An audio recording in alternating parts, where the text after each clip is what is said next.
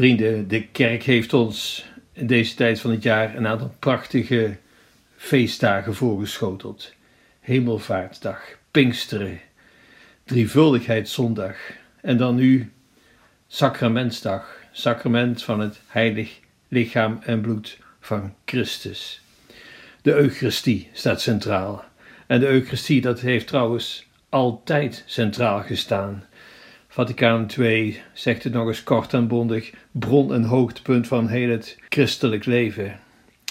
De Eucharistie, wat daar het kernpunt is, dat christelijk daadwerkelijk aanwezig is.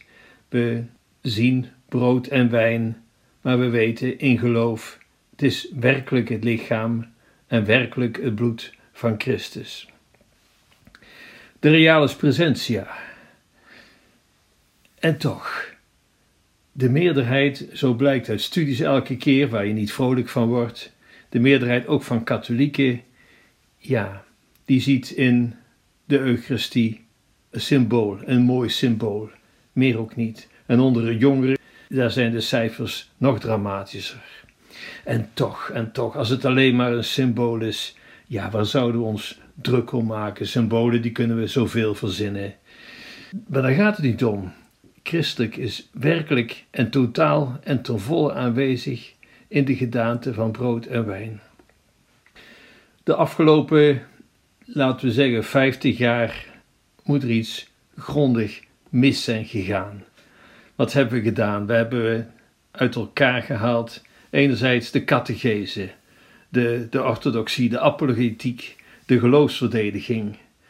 En anderzijds, ja, aardig zijn, zorg voor de armen, niet de orthodoxie, maar de orthopraxis. Het hoort bij elkaar. Het een volgt uit het ander, maar we hebben het uit elkaar gehaald.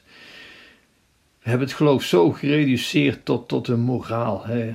De, Kant, de filosoof, die meende dat al religie is totaal te reduceren tot moraal, tot de praktijk.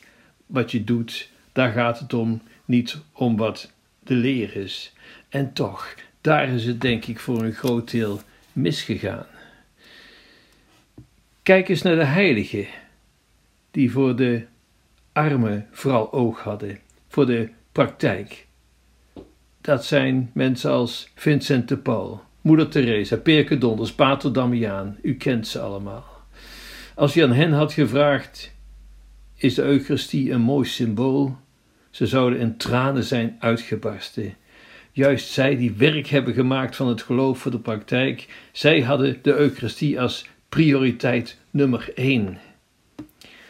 Mens, beste mensen, geloof me, als de orthodoxie, als die verdampt, dan vervaagt ook de praxis en rest ons niet meer dan, ja, de seculiere waan van de dag. Je ziet het trouwens vandaag de dag gebeuren.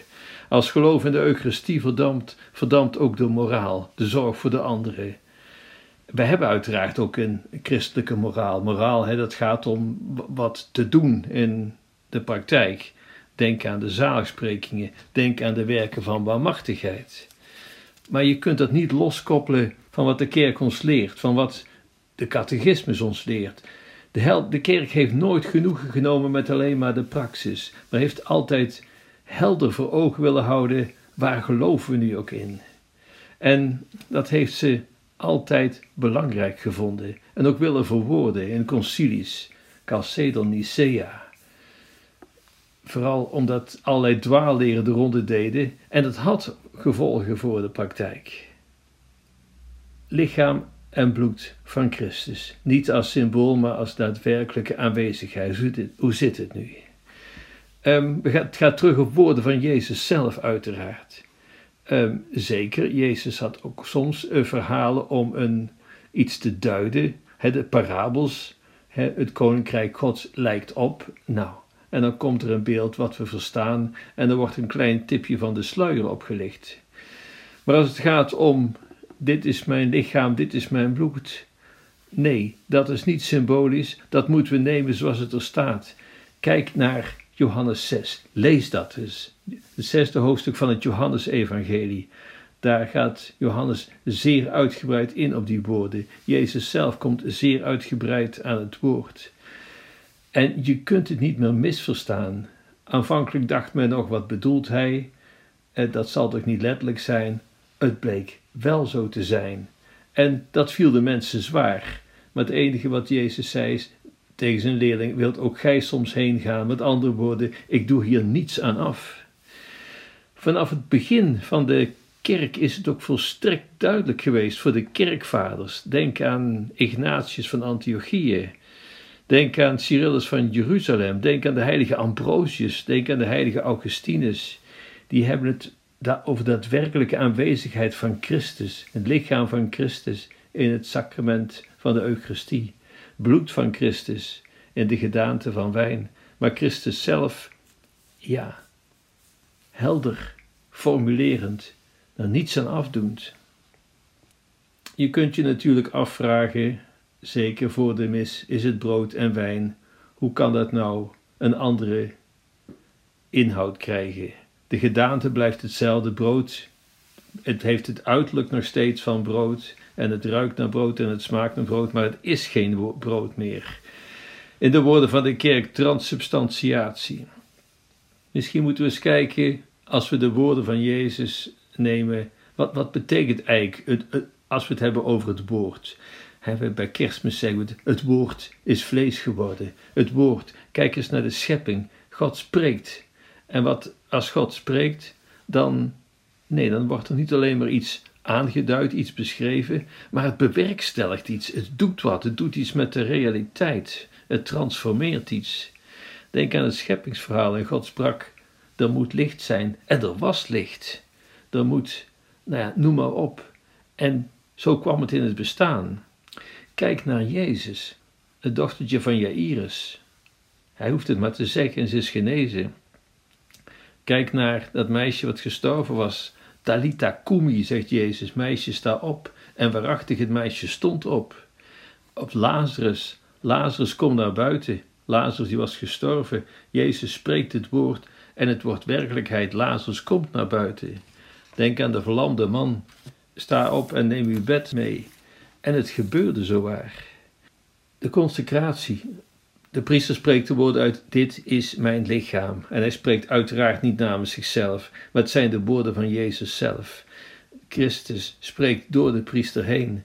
En zo is het nog altijd Christus zelf die het bewerkstelligt. Waar is het misgegaan?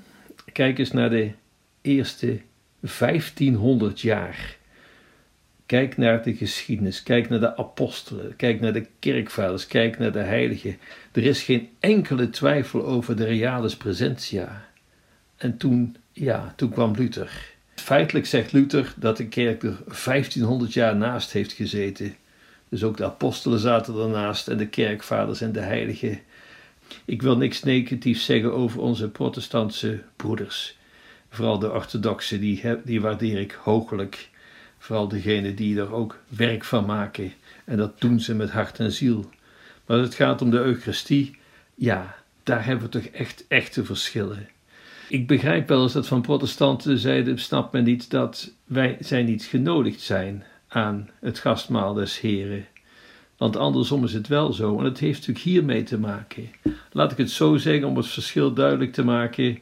Als protestanten een avondmaal vieren, ja, de restanten brood Och, waarom zou je die niet voor de vogels gooien?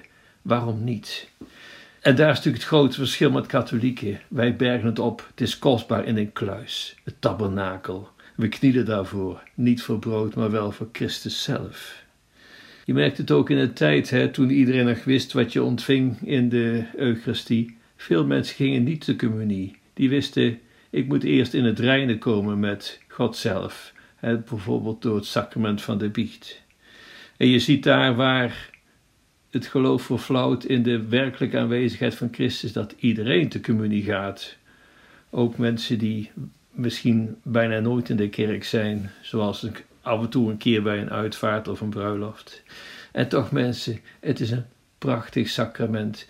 Christus voedt ons, hij sterkt ons in het geloof. En daar waar dat consequent wordt gevierd en beleefd, daar bloeit het geloof op. Er is geen enkele heilige die beweert dat hij zonder de Eucharistie had gedaan wat hij gedaan heeft. Ga naar die Eucharistie. Er is een zondagsplicht dat, en dat is iets niet hetzelfde. De zondagsplicht is dat men de Eucharistie bijwoont, meeviert. Het is niet de plicht om de communie te gaan, maar begin met die Eucharistie. En als je in het reinen bent met God, gaat de communie, het sterkt u. En wat u ook goed zal doen is uitstelling van het Allerheiligste. Je hoeft niet veel te doen. Kijk naar Hem, Hij kijkt naar u. De gebeden komen vanzelf.